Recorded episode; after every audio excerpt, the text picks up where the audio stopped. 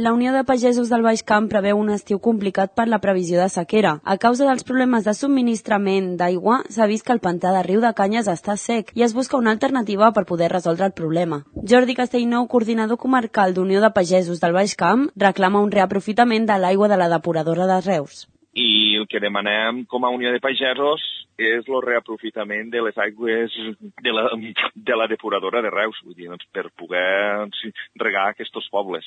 I això ho estem demanant molt, estem tenint moltes reunions amb els partits polítics, consells comarcals i en aquest cas la Diputació, a veure que si això es pot arribar a aconseguir. Encara que hi ha alguns municipis que estan treballant amb el mini transvasament de l'Ebre i amb diversos projectes per tal de solucionar el problema, s'espera que aquest estiu sigui de supervivència.